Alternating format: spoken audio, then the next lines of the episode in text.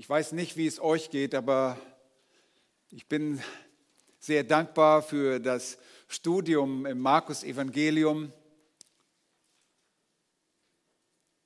Ähm, ich weiß nicht genau welches Jahr es war, in 2007 oder so, begann ich das Matthäus-Evangelium auszulegen. Ich bin, glaube ich, bis Kapitel 10 gekommen und dann wurde ich damals von Grace to You gefragt, ob ich die Predigt von John MacArthur adoptieren würde und hatte dort unterbrochen.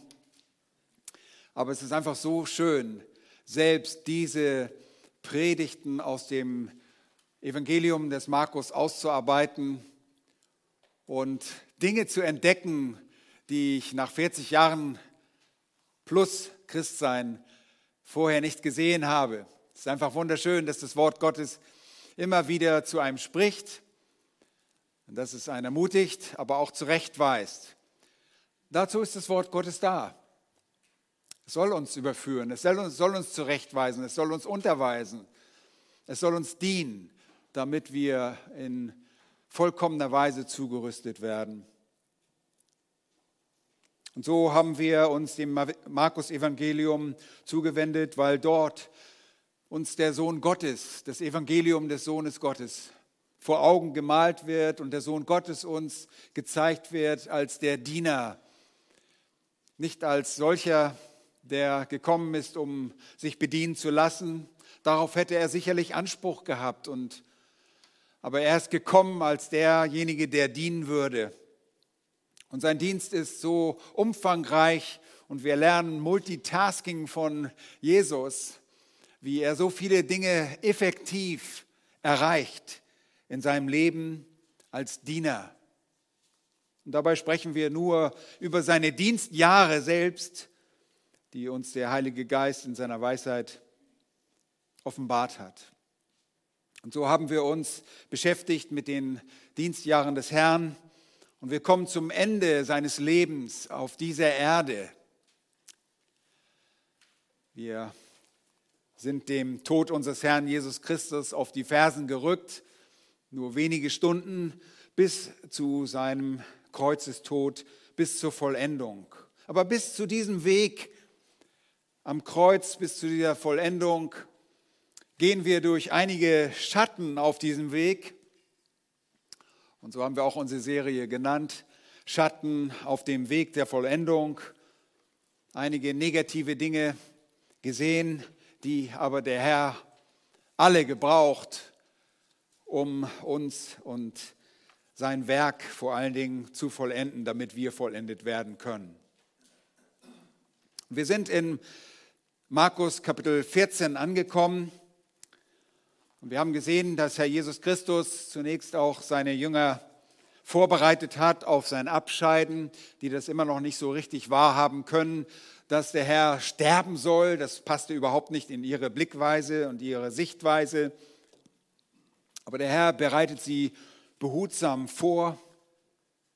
Er kündigt ihnen an, was geschehen wird, was auch mit ihnen geschehen wird. Und auch das können sie nicht so richtig realisieren und glauben sie nicht einmal. Und ihr erinnert euch, dass Petrus sich gegen diesen Gedanken vehement gewehrt hatte, dass der Herr Jesus Christus sterben würde und dass ja, er selbst sich nicht mehr zu Jesus halten würde. So bereitet der Herr Jesus Christus seine Jünger vor, und er verleiht ihnen außerdem eine besondere Fähigkeit, sich später an all die Dinge zu erinnern, die er ihnen gesagt hat. Eine Erinnerungsfähigkeit, die wir uns so manches Mal wünschen, denn wir wissen schon manchmal nicht, was unsere Ehefrauen gestern gesagt haben, geschweige denn, was der Herr viele, viele Jahre zuvor gesagt hat. Und so kommen wir zu diesem Text in Markus Kapitel 14 ab Vers 66 bis zum Ende. Und wir haben die Einleitung gesehen vor dem großen Gericht, diesem Skandal des Sanhedrins, ein Justizskandal. Wir sehen jetzt diese zweite Szene, die wir beim letzten Mal nur kurz in einem Vers gesehen haben, nämlich dass Petrus gefolgt war in den Hof des hohen Priesters, der sich dort am Feuer wärmte. Und jetzt wird diese zweite Szene, diese Nebenszene, die dennoch wichtig ist, fortgesetzt. Lasst uns den Text lesen. Dort heißt es, und während Petrus unten im Hof war, kam eine von den Mägden des hohen Priesters.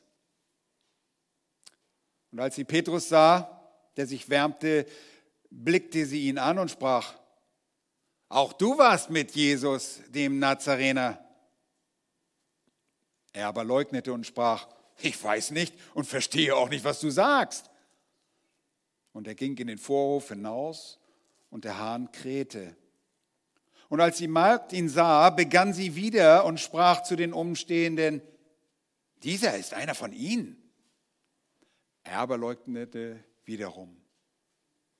Und ein wenig nachher sprachen die Umstehenden nochmals zu Petrus, wahrhaftig, du bist einer von ihnen, du bist ein Galiläer und deine Sprache ist gleich. Er aber fing an, sich zu verfluchen und zu schwören, ich kenne diesen Menschen nicht, von dem ihr redet. Da krähte der Hahn zum zweiten Mal. Und Petrus erinnerte sich an das Wort, das Jesus zu ihm gesagt hatte, ehe der Hahn zweimal kräht, wirst du mich dreimal verleugnen. Und er begann zu weinen. Soweit das Wort Gottes. Betitelt habe ich diesen Text mit Hochmut kommt vor dem Fall. Nun, hier ist dieser Fall, aber der Kontext hat uns gezeigt, dass es Hochmut gab. Hochmut kommt vor dem Fall. Wir hatten in Vers 54 gesehen, Jesus folgte Jesus von ferne hinein in den Hof nach der Festnahme im Garten Gethsemane, bei dem alle Jünger verschwanden, war Petrus gefolgt und er saß bei den Dienern und wärmte sich am Feuer. Nun, das hatte Petrus für sich.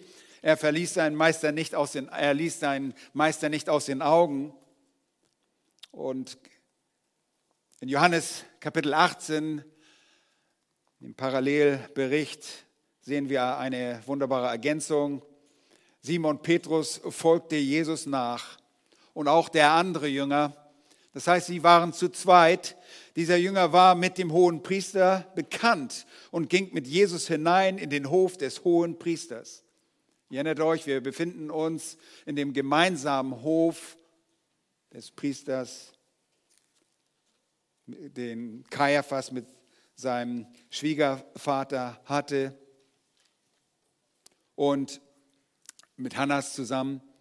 Und da ging der andere Jünger hinaus, der mit dem hohen Priester bekannt war, und redete mit der Türhüterin und führte Petrus hinein. Petrus kam also durch, und der andere Jünger war Johannes, hinein in den Innenhof des hohen Priesters, wo sich das Verhör, dieses illegale, dieser illegale Prozess stattfand. Nun, mein ersten Punkt, mein erster Punkt bei diesem Hochmut kommt vor dem Fall ist mit Jesus gewesen. Wir lesen dort in Vers 66, während Petrus unten im Hof war, kam eine Magd, eine von den, eine von den Mägden des hohen Priesters.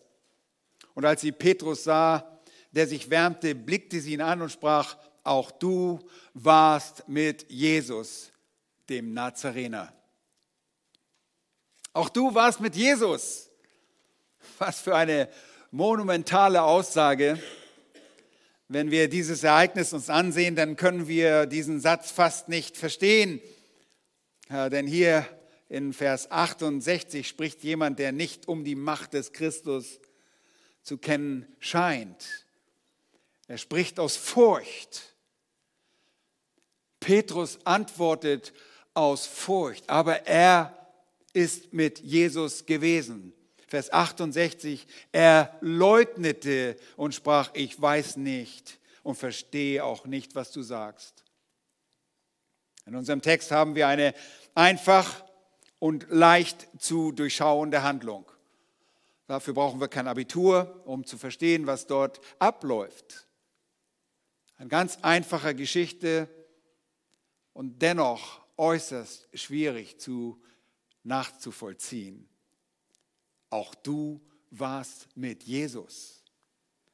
Diese Leugnung der Zugehörigkeit zum Herrn wiederholt sich hier dreimal. Und anders als bei den anderen Evangelisten wird hier das, ein Detail erwähnt, dass der Hahn bereits das erste Mal kräht und Petrus das überhaupt nicht zur Kenntnis nimmt. Überhaupt nicht zur Kenntnis genommen.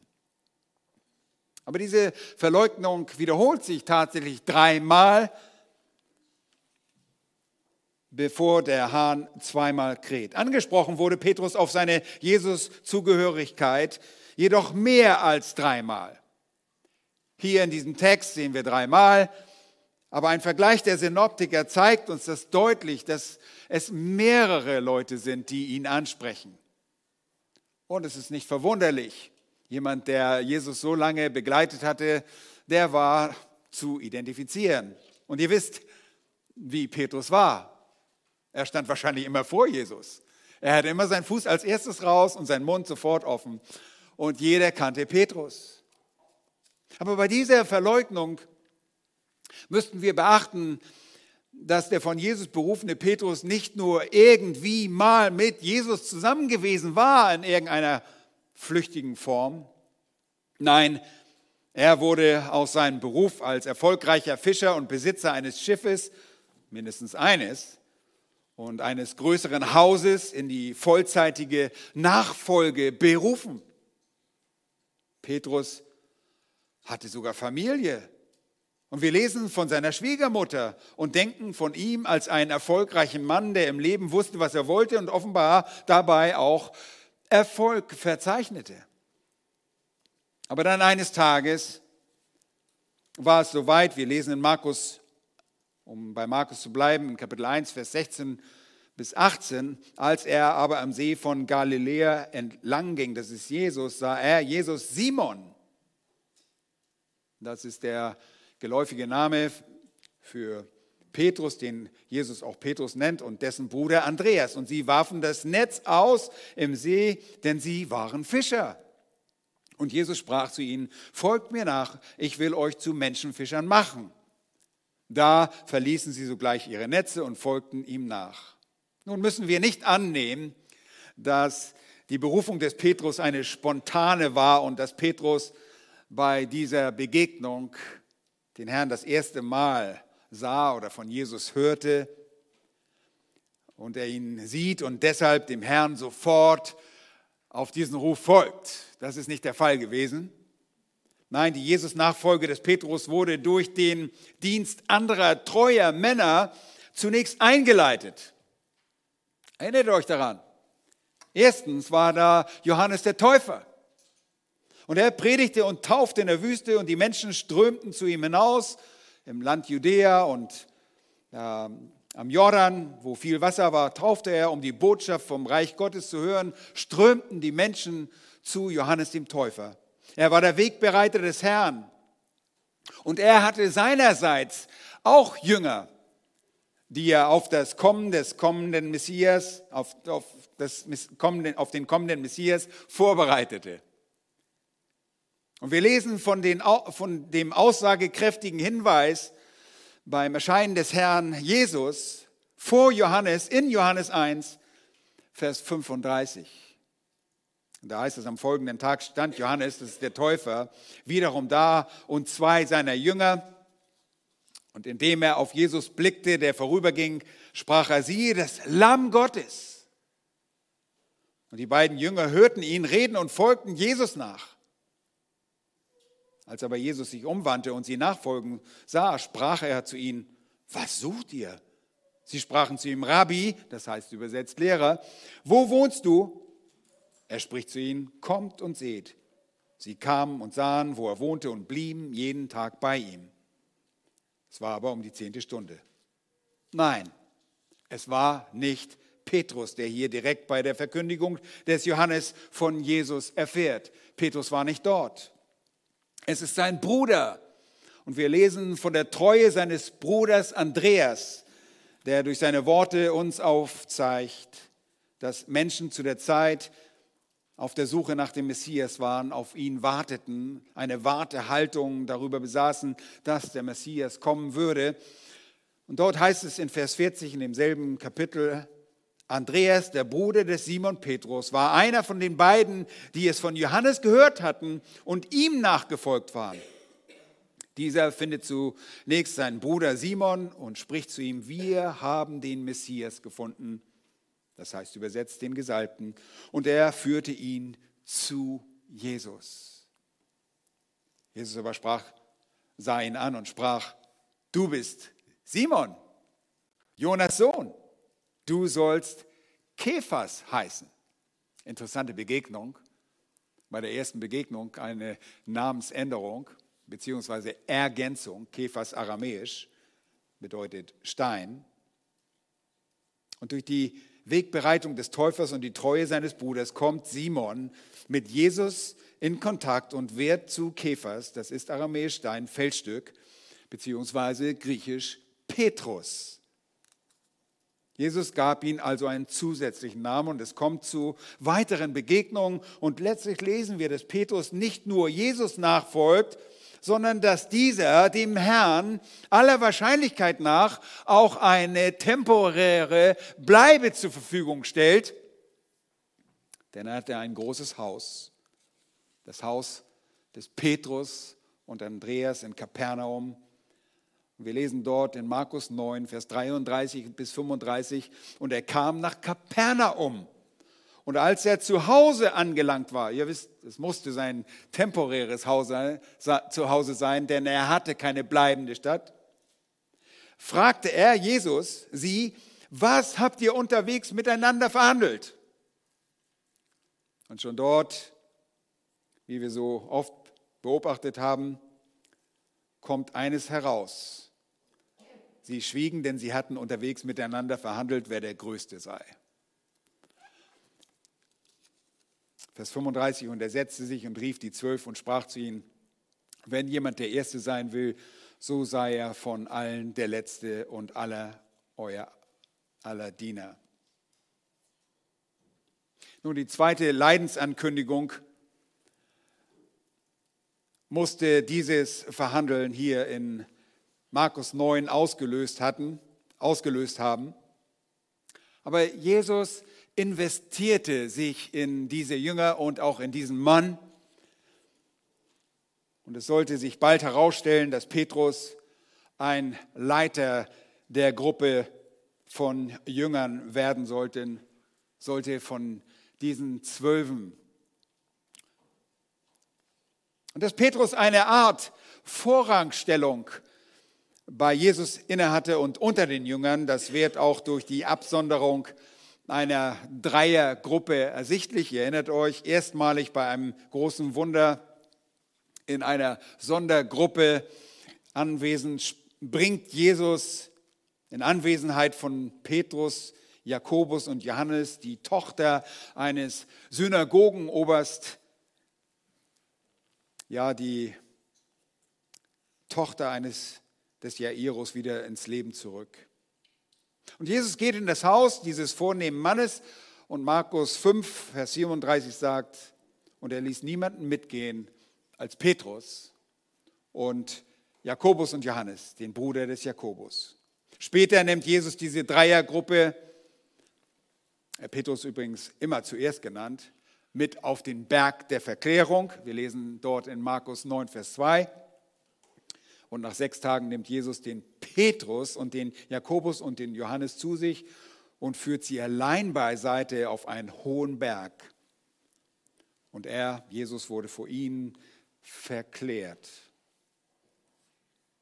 Jetzt sind wir am Ende der Leidenswoche, schon früher in der Leidenswoche, fragten diese drei im Beisein des Andreas, dem Herrn, ähm, eine wichtige Frage auf die Worte Jesu über die Zerstörung des Tempels. Diese Frage in Markus 13, Vers 4. Sage uns, wann wird dies geschehen und was wird das Zeichen sein, wenn dies alles vollendet werden wird? Immer ist Petrus anwesend. Immer erscheint sein Name zuerst. So auch in dem Bericht bei der letzten Versuchung Jesu, die wir uns angesehen haben, als der Meister die drei tiefer in den Garten Gethsemane hineinnimmt und die übrigen acht zurücklässt.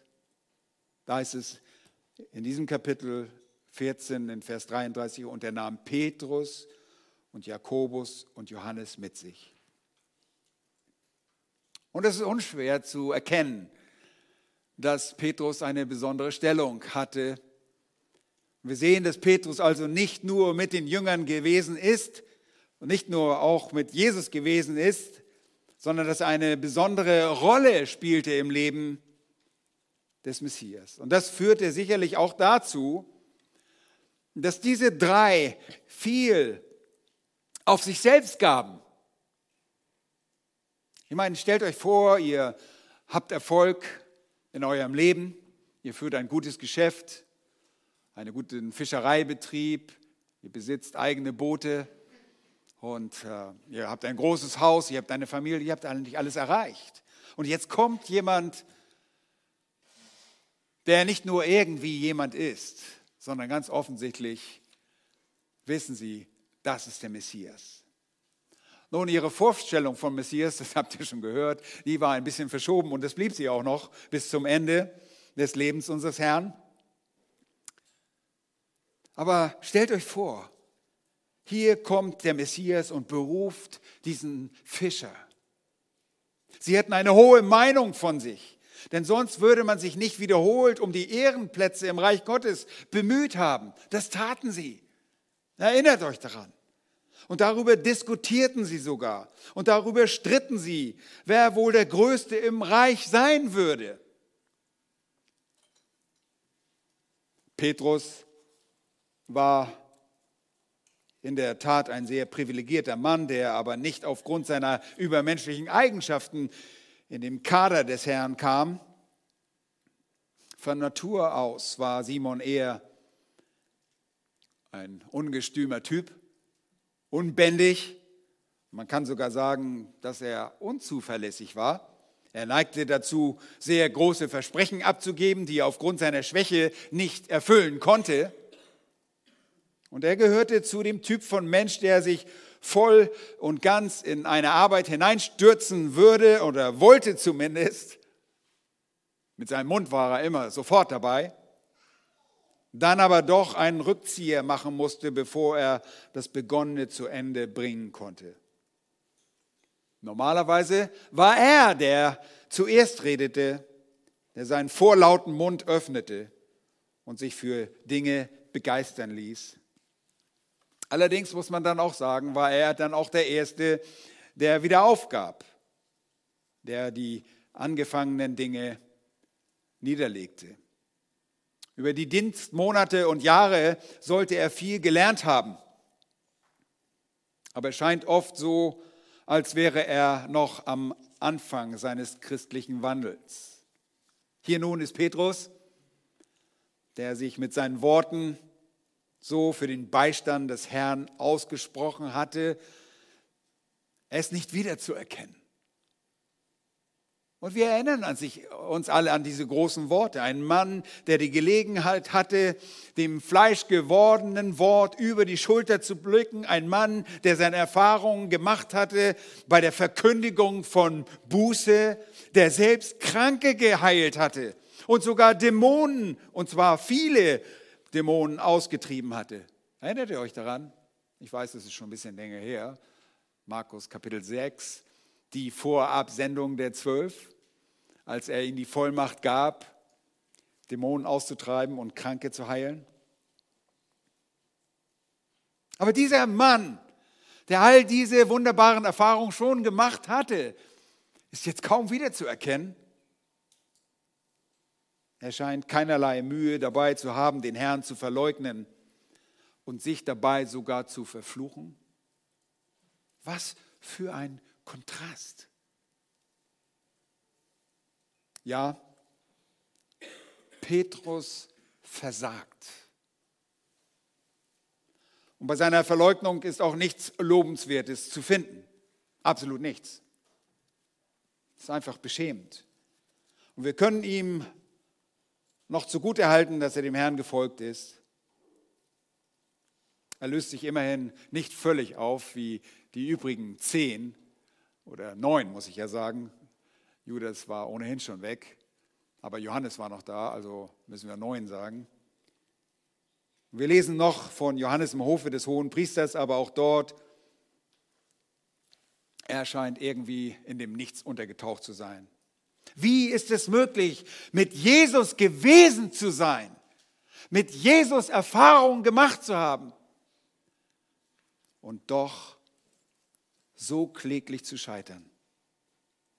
Nun, Hochmut kommt vor dem Fall. Und das macht die Sache für einige Leser noch erschreckender, denn zweitens wurde er durch Jesus gewarnt. Durch Jesus gewarnt. Und das macht das Ganze noch viel kläglicher. Wie kann ein Mann, der die Zeit hatte, mit dem lebendigen Gott zu wandeln, der auch noch dazu gewarnt wurde, so kläglich scheitern? Wir lesen hier im Text nur, Vers 72, da krähte der Herr zum, äh, der Hahn, nicht der Herr, der Hahn zum zweiten Mal. Bitte schneidet das nicht wieder aus für irgendeinen so lustigen Abend. Und Petrus erinnerte sich an das Wort, das Jesus zu ihm gesagt hatte, ehe der Hahn zweimal kräht, wirst du mich dreimal verleugnen. Und wer den Kontext kennt, der weiß auch um das Vorhergeschehene. Die Voraussage des Herrn trifft natürlich ganz genau ein. Ich meine, der Herr irrt sich nicht. Eine Voraussage, die mehr als nur eine Weissagung war. Sie diente Petrus und den Jüngern. Und sie dient auch uns immer noch als Warnung. Jesus hatte Petrus sehr deutlich angesprochen und auf seine falsche Selbsteinschätzung mehrfach aufmerksam gemacht. Schaut zunächst einmal auf die erste Warnung, die Jesus dem Petrus gab, dort im oberen Saal. Wenn ich oberer Saal sage, dann beziehe ich mich auf Johannes 13, in diesem Fall bis Kapitel 17. In 17 ist das hohe priesterliche Gebet, wo der Herr für die Seinen betet. Aber in Johannes 13, Vers 36, dort bereits während der Fußwaschung und während des Mahls, des letzten legitimen Passamals, können wir einiges erkennen, unter anderem die erste Warnung. Und dort heißt es in Vers 36, Simon Petrus spricht zu ihm, nachdem Jesus erklärt hat, dass er loszieht, dass er geht, dass er zurückkehrt zu seinem Vater, dass er sterben muss. Wohin gehst du? Jesus antwortet ihm, wohin ich gehe, dorthin kannst du mir jetzt nicht folgen. Du wirst mir aber später folgen. Petrus spricht zu ihm, Herr, warum kann ich dir jetzt nicht folgen? Typisch Petrus. Mein Leben will ich für dich lassen. Jesus antwortete ihm, dein Leben willst du für mich lassen? Wahrlich, wahrlich, ich sage dir, der Hahn wird nicht krähen, bis du mich dreimal verleugnet hast. Und das ist eine Vorhersage, aber gleichzeitig auch eine Warnung. Zweitens sehen wir in Lukas 22, Vers 31. Schlag das bitte mit auf. Lukas 22, Vers 31.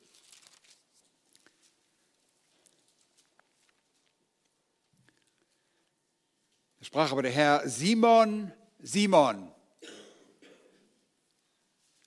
siehe, der Herr hat euch begehrt. Ja, Entschuldigung, Satan hat euch begehrt, um euch zu sichten wie den Weizen. Ich aber habe für dich gebetet, dass dein Glaube nicht aufhöre. Und wenn du einst umgekehrt bist, so stärke deine Brüder während Jesu Vorbereitung, also der Jünger im oberen Saal, während der letzten Passafeier hatte Jesus bereits gewarnt. Und Lasst uns dabei einmal einen Aspekt ansehen, den wir zwar öfter schon erwähnt haben, aber nicht die Details dazu. Bitte geht mal zu Lukas 22, also in diesem Kapitel, und Vers 24. Wir haben das öfter erwähnt, dass es Streit gab, wer der Größte ist. Und hier in Vers 24 lesen wir genau das. Sie sind mit Jesus Jesus bereitet sie vor auf das Fortgehen und sie sind dabei, sich zu streiten. Es entstand aber ein Streit unter ihnen, wer von ihnen der Größte als der Größte zu gelten habe. Er aber sagte zu ihm, die Könige der Heidenvölker herrschen über sie und ihre Gewalthaber nennt man Wohltäter. Ihr aber sollt nicht so sein, sondern der Größte unter euch soll so sein wie der Jüngste, der Führende wie der Dienende. Denn wer ist größer? Der, welcher zu Tisch sitzt oder der Dienende? Ist es nicht der, welcher zu Tisch sitzt? Ich aber bin mitten unter euch wie der Dienende. Ihr aber seid die, welche bei mir ausgeharrt haben in meinen Anfechtungen. Und so übergebe ich euch ein Königtum, wie es mir mein Vater übergeben hat. Achtet mal auf Vers 30. So dass ihr an meinem Tisch, in meinem Reich essen und trinken und auf Thronen sitzen sollt und die zwölf Stämme Israels zu richten. Ho, könnt ihr euch das vorstellen, was jetzt in dem Kopf dieser Männer vorsieht? Ho, wo werden wir sitzen? Wann werden wir sitzen? Übermorgen? Wann ist es soweit? Ich sitze auf dem Thron, ich werde, beziehungsweise äh, wir werden Richter sein. Alles andere, alles, was zuvor gesagt wurde, scheint irgendwie an diesen Ohren dieses Mannes vorbeizugehen. Und diese Dinge mussten die Jünger und Petrus auf einen gedanklichen Irrfahrt gebracht haben. Und zu Petrus sagte der Herr dort und sprach, Simon, Simon. Und das ist immer etwas... Äh, wenn ein Name zweimal gesagt wird, kennt ihr das auch? Ich hörte das mein Vater sagen, Dieter, Dieter. Ja, irgendwas muss ich ausgefressen haben oder irgendwie erinnert mich das an, an Schelte oder irgendwelche Zurechtweisung. Nun, auch der, die Erwähnung des Namens Simon nicht der Name, den er ihm zusätzlich gegeben hat, du bist wirklich kein Fels, du bist wirklich kein, kein feststehender Fels im Moment, du bist der Simon, du bist der Alte. Siehe, der Satan hat euch begehrt, um euch zu sichten wie den Weizen. Mit anderen Worten, der Satan hat es auf dich abgesehen und dich zu sieben wie den Weizen. Lukas 22, 31. Man könnte den Text auch wie folgt übersetzen. Der Satan hat nach dir verlangt und in den englischen Standard, in der englischen Standardversion heißt es tatsächlich, Satan verlangte dich zu haben. Interessant, oder? Satan verlangte dich zu haben. Und das Wort, das mit begehrt übersetzt wird, ist ein sehr starkes Wort. Es beinhaltet die Idee einer Forderung.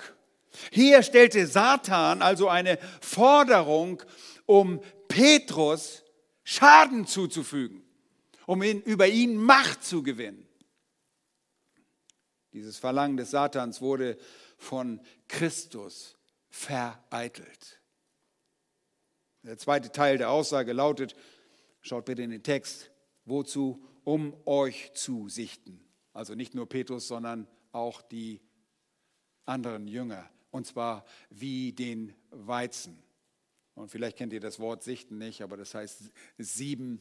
Das ist ein Fach, Fachausdruck, wenn man ein Sieb einsetzt beim Reinigen des Weizens. Hier geht es sogar um alle Jünger. Und das griechische Wort für Sichten ist siniazo, bedeutet in einem Sieb rütteln oder schütteln.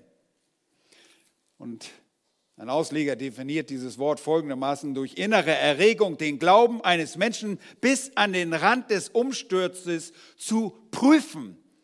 Satan wollte Petrus erregen, um zu sehen, ob in ihm Glaube vorhanden war. Interessant. Ist mir noch nie so wirklich aufgefallen. Er erhob Anspruch auf ihn. Und genauso natürlich tat er das auch bei den anderen Jüngern. Und warum konnten die Jünger widerstehen? Warum war es möglich, nicht in diesem Anspruch unterzugehen? Wir erinnern uns an das Gebet unseres Herrn Jesus Christus für seine Jünger. Und die erfreuliche Nachricht ist, dass der Herr nicht nur für seine Jünger, sondern auch für uns gebetet hat. Wir sehen nicht nur das böse Verlangen des Teufels, sondern auch seine Hartnäckigkeit in dem Versuch, göttliche Pläne zu vereiteln. Und deshalb ist Petrus auch kein Nebenschauplatz in den Stunden vor dem Tod unseres Herrn Jesus Christus. Denn an diesen Mann und an diesen Jüngern hängt die Verkündigung des Evangeliums. Wie wir schon sagten, unser Herr Jesus hatte keinen Plan B, keinen Backup-Plan. Alles hing an diesen Männern. Und diese Aussage des Herrn macht Petrus vom Prinzip her zu einem Hiob des Neuen Testaments. Satan konnte Petrus prüfen und sogar sein temporäres Versagen feststellen, denn Petrus versagt hier, aber es war auch nur ein temporäres Versagen. Und die zweite Warnung fand dann auf dem Weg zum Garten Gethsemane statt. Wir haben uns diesen Text schon vor Augen geführt. Hier sei nur noch einmal erwähnt und gesagt, dass es nicht lediglich eine Warnung gab, sondern zwei, und zwar sehr konkret. Markus 14, 27, und Jesus spricht zu ihm, ihr werdet in dieser Nacht alle an mir Anstoß nehmen. Denn es steht geschrieben, ich werde den Hirten schlagen und die Schafe werden sich zerstreuen. Und Petrus sagt, oh ja, das stimmt. Du hast wahrscheinlich die Bibel richtig ausgelegt, Herr. Nein, nein, ihr erinnert euch. Niemals. Und wenn alle dich verleugnen, ich nicht. Nun, wir müssen innehalten. Hier ist eine wichtige Lektion, die nicht nur Petrus lernen sollte, sondern die wir als Kinder Gottes alle uns zu Herzen nehmen müssen. Die Schrift lehrt uns, dass der Mensch schwach ist. Und diese Schwäche sich nicht lediglich im Unvermögen zeigt, in einem physischen Unvermögen, sondern in einem sündhaften Aufblähen, einer üblen Fehleinschätzung seiner selbst. Ich meine, ich rede nicht nur von einem gottlosen Menschen. Der gottlose Mensch denkt sowieso nur verkehrt von sich selbst. Und ihr lebt alle in dieser Welt, ihr wisst es, wie hoch von der Selbsteinschätzung und Selbstwertgefühl die Rede ist, dass man Selbstwertgefühl haben muss, in dieser Welt existieren zu können. Die Schrift lehrt uns, dass wir selbst als Christen noch die Neigung besitzen, wie Heiden zu denken und zu handeln, ja in einem temporären, temporären äh, heidnischen Wandel zu fallen, weil wir uns falsch sehen und falsch einschätzen. Und so sagen die Sprüche uns spezifisch, Stolz kommt vor den Zusammenbruch und Hochmut kommt vor dem Fall. Denn der Mensch denkt höher von sich selbst, als er das ihm, als ihm zu denken gebührt. Der Stolz und Hochmut des Menschen, der von sich selbst so eingenommen ist und so überhöht von sich denkt, ist dem Herrn sogar ein Gräuel.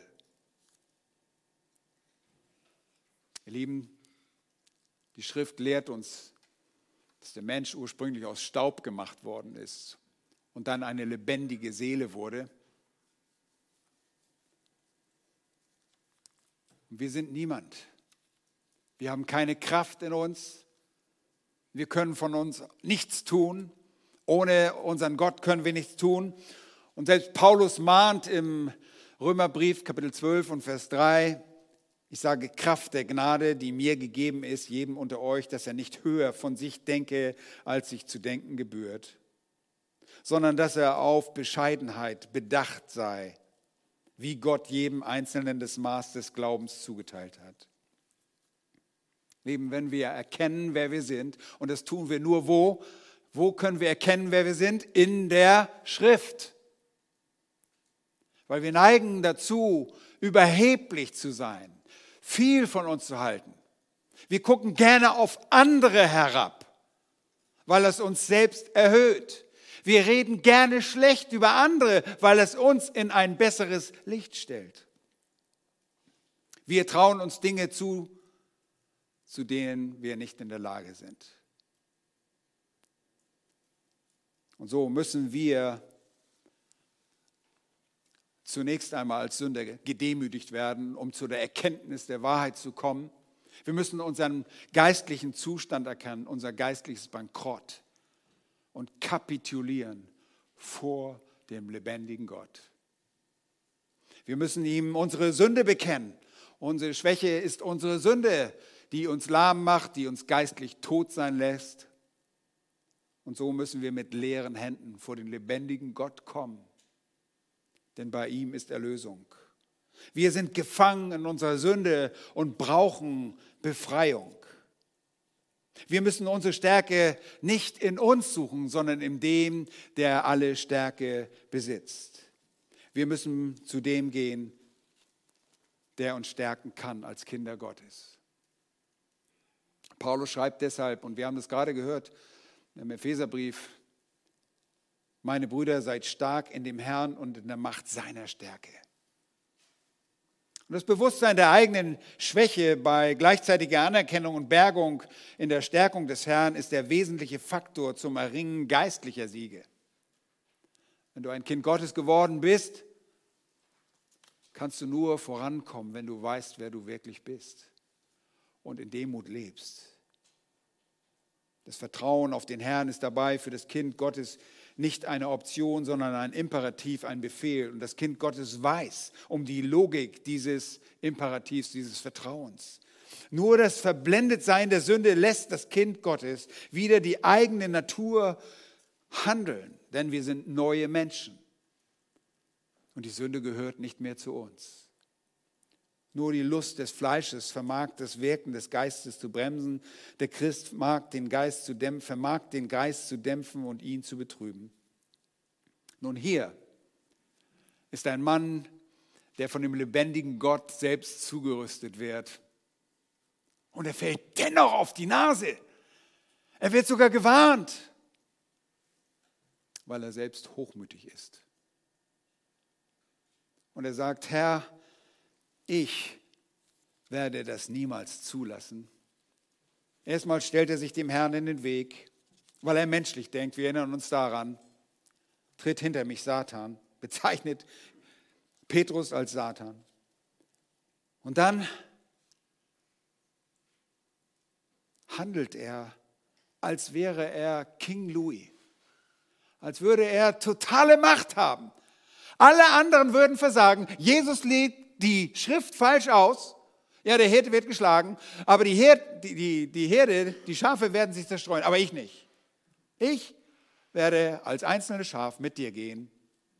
Und die anderen Jünger, du kennst die ja, was das für komische, krumme Typen sind, die versagen, aber ich nicht. Oh, ihr Lieben, vielleicht lächelst du ein bisschen in dich hinein, aber wisst ihr was? So denken wir oft von anderen. So überheblich sind auch wir, so manches Mal schon. Dass wir denken, wir machen die Dinge doch viel besser. Mir würde es niemals passieren. Aber wisst ihr, es gibt ein Problem. Der in unseren Gliedern residierende Feind, der in uns wohnende Feind, ist in der Welt beheimatet und wird durch sie stimuliert. Was ist das? Das ist unser Fleisch. Wir leben im ersten Johannesbrief, Kapitel 2, Vers 16. Sehen wir eine wunderbare Zusammenfassung dieser, dieser Wahrheit. Denn alles, was in der Welt ist, die Fleischeslust, die Augenlust und der Hochmut des Lebens. Und welche dieser drei Kategorien hat Petrus hier erwischt? Der Hochmut des Lebens. Er schätzt sich falsch ein. Das ist nicht von dem Vater, sondern von der Welt. Und dann schreibt Johannes weiter, und was damit geschieht. Die Welt vergeht und ihre Lust. Wer aber den Willen Gottes tut, der bleibt in Ewigkeit. Jesus sagt, ich gehe und ich sterbe. Und ihr werdet mich alle verlassen. Und Petrus glaubt an seine eigene Kraft. Er glaubt nicht der Auslegung des Wortes Gottes, wie der Herr Jesus sie aus Sacharja 13, Vers 7 ihm auslegt. Er schätzt sich falsch ein. Und das hat mit seinem Übermut zu tun. Und ihr wisst, mit seiner Geschwindigkeit schnell zu antworten, ohne zu denken. Vielleicht hat er sein Gehirn manchmal in der Tasche getragen, aber er war so schnell. Dem Herrn sei Dank. Dies war ein temporäres Versagen. Und ihr Lieben, kennen wir das nicht alle allzu gut? Dem Herrn sei Dank, dass wir durch die Kraft Gottes, die an uns im, wirkt, im Geist wandeln und vom Geist geleitet werden. Und die Wahrheit lässt uns erkennen, dass wir Kinder Gottes sind. Und ein Fall ist deshalb für das Kind Gottes immer ein vorübergehendes Übel, eine vorübergehende Sünde, von der er sich reinigt. Das Kind reinigt sich im Angesicht des Vaters.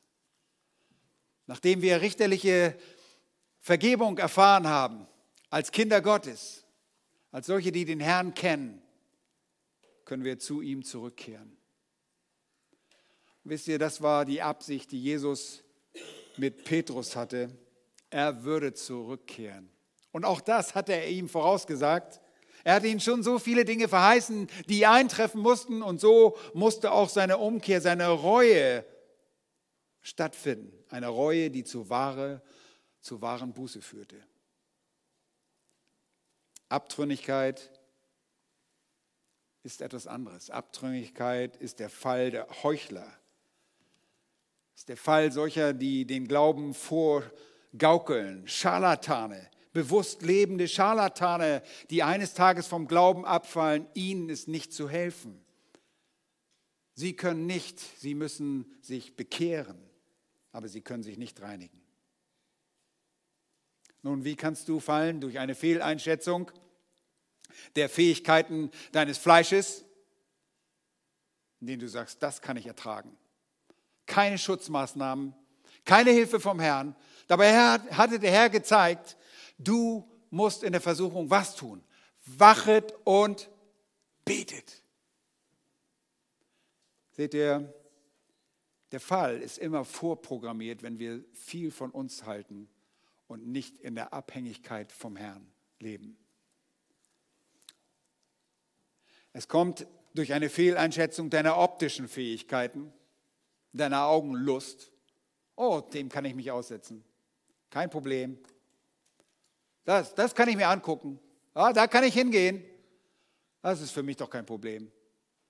Oh, wisst ihr, auf wie viele Menschen auf diese Art und Weise schon gefallen sind? Aber auch eine Überschätzung deiner Person. Das ist der Hochmut des Lebens. Leben, wir können keinen Tag bestehen, wenn wir nicht erkennen, dass wir in der Abhängigkeit von unserem Herrn und Retter leben müssen. Der Hochmut des Lebens, der die Werke des Fleisches hervorbringt, Ehebruch, Unzucht, Unreinheit, Zügellosigkeit, Götzendienst, Zauberei, Feindschaft, Streit, Eifersucht, Zorn, Selbstsucht, Zwietracht, Parteiung, Neid, Mord, Trunkenheit, Gelage und dergleichen – das sind die Dinge. Das sind die Dinge, die das Fleisch hervorbringt.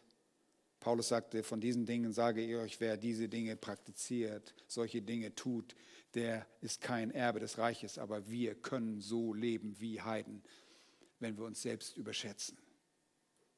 Und dann passiert es genau das. Hier ist der Fall. Und das ist interessant. Petrus wird natürlich identifiziert, wenn wir in den Text hineinschauen. Diese Magd scheint hier eine Magd zu sein, die nicht nachgibt.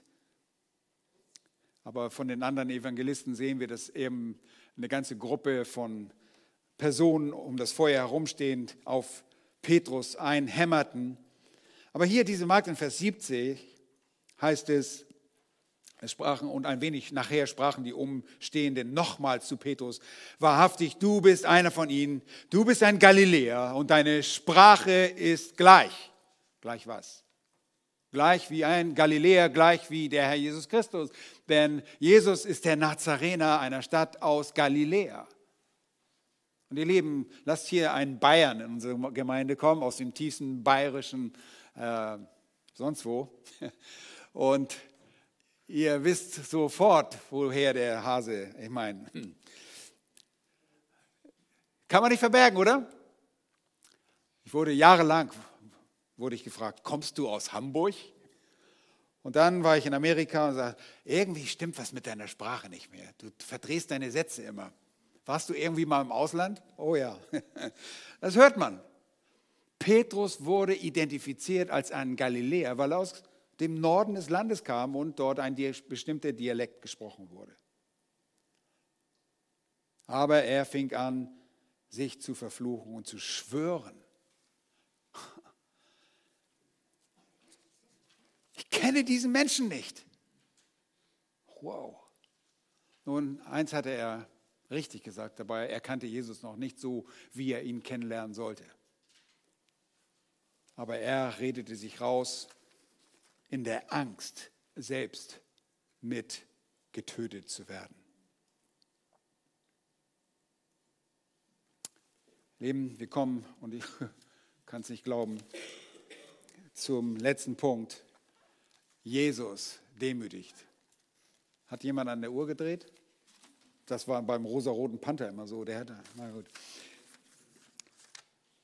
Von Jesus gedemütigt. Nun, Vers 72 heißt es, er begann zu weinen. Nun, Weinen ist nicht das sichere Zeichen für Geistlichkeit.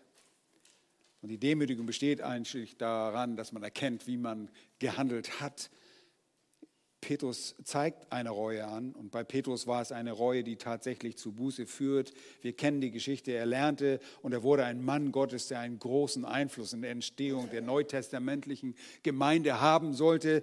Wir haben seine wunderbaren Briefe und sein Vorbild in der Apostelgeschichte, Hinweise in den Briefen des Paulus, auch wenn er nicht immer perfekt handelte. Wir denken auch an Galater Kapitel 2, wo er von Paulus zurechtgewiesen werden musste, aber er ist ein wunderbarer Mann Gottes ein Vorbild sondergleichen. Wie schnell ihr Leben bringen wir Unverständnis auf. Aber hier war eine Demütigung vom Herrn. Und ihr sagt, wieso vom Herrn? Da war er auch selbstverantwortlich für. Wisst ihr, erinnert euch daran, dass Jesus die Verantwortung für die Jünger hatte, während er auf der Erde war, oder? Jesus kümmerte sich darum, dass nicht einer seiner Jünger verloren ging. Und Petrus ging nicht verloren. Er endete ab. Ähm, es führte dazu, dass er ein temporäres Versagen hatte und das war eine Demütigung, die er nicht vergessen sollte. Und das erinnert mich an die Worte des Psalmisten in Psalm 119. Dort führt er dreimal an die Demütigung in Vers 67, ehe ich gedemütigt wurde, irrte ich, nun aber befolge ich dein Wort. Glaubt ihr, dass Petrus sich oft an diese Ereignisse zurückerinnert hat? Und sicherlich auch, als Jesus ihn fragte, Petrus, liebst du mich? Dreimal ihn fragte, Petrus, liebst du mich? Psalm 119, Vers 71. Es ist gut für mich, sagt der Psalmist, dass ich gedemütigt wurde, damit ich deine Anweisungen lerne. Vorher habe ich nicht richtig hingehört. Petrus hat ganz offensichtlich nicht richtig hingehört.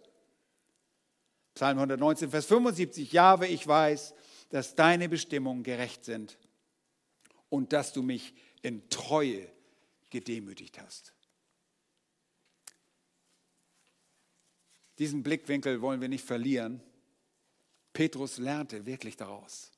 Und so schreibt er in seinem wunderbaren Brief, in dem ersten Brief, in Kapitel 5, dort die Verse 5 und 6, ebenso ihr Jüngern, ordnet euch den Ältesten unter.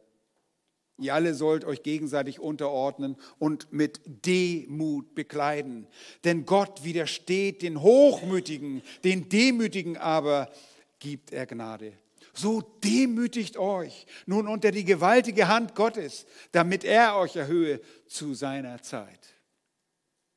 Ist nicht wunderbar, dass dieser eingebildete Mann zu einem Mann Gottes wird, der versteht, in Demo zu leben. Ihr Lieben, das wünsche ich auch. Ich muss das überspringen. Sorry, ich habe die Uhr nicht beachtet. Ähm, ich wünsche uns von ganzem Herzen, dass wir begreifen, dass wir niemand sind, dass wir in der Abhängigkeit zum Herrn leben, dass wir erkennen, dass wir auf unseren Herrn angewiesen sind. Und du kannst es ganz schnell erkennen, ob du in Gefahr bist, genauso zu handeln. Frage dich, wie ist mein Gebetsleben? Wie oft bitte ich den Herrn, mir zu helfen? Wenn ich in bestimmte Situationen hineingehe, wie sehr frage ich ihn? Ich habe gestern erst so eine Situation gehabt, wo ich mich miese verhalten habe. Mir gelang etwas nicht. Meine Frau kann das bezeugen, dass ich mich nicht so gut verhalten habe. Aber ich habe auch vorher nicht dafür gebetet. Nun, das war nicht, ich habe nicht gleich den Herrn verleugnet hier auf offener Straße, aber es war einfach eine schreckliche Situation. Und ihr Lieben, lasst uns lernen, in der Abhängigkeit vom Herrn zu leben. Lasst uns zu erkennen, dass wir wirklich niemand sind, dass wir demütig bleiben. Und Demut fördert garantiert dein Gebetsleben. Lasst uns erkennen, dass wir ihn brauchen. Und das ist einfach zu antworten, oder? Keiner von euch würde sagen, oh, mein Gebetsleben ist so super, ich bin, ich, bin, ich bin der Beste dabei. Kommt mal zu mir nach Hause, ihr könnt mal eine Lektion von mir haben. Nein, ich glaube, wir sind alle sehr gedemütigt, wenn wir sowas gefragt werden. Aber das ist der Punkt, wo wir arbeiten müssen. Und wenn du nicht heute damit anfängst, fängst du wahrscheinlich auch nicht morgen damit an. Geh zum Herrn, renn zum Herrn, bekenne ihn dein Hochmut und handle demütig. Möge der Herr Gnade schenken. Lass uns beten. Herr, danke dafür, oh, dass du so gut bist, dass du deine Jünger trotz dieser Widerspenstigkeit und Halsstarrigkeit, die sie oft an den Tag gelegt haben, ihrer Selbsteingenommenheit, die wir auch alle nur zu gut kennen aus unserem eigenen Leben. Herr, vergib uns, dass wir so sehr mit uns selbst beschäftigt sind. Vergib uns unsere Nabelschau, hilf uns auf die anderen zu sehen und vor allen Dingen auf dich zu sehen. Du bist unser Vorbild, du bist unsere Hilfe. Hilf, dass wir in dir erstarken, denn du bist der Einzige, der uns wirklich stärken kann. Und so preisen wir dich und bitten dich, heilige uns durch dein Wort, um deines Namens willen. Amen.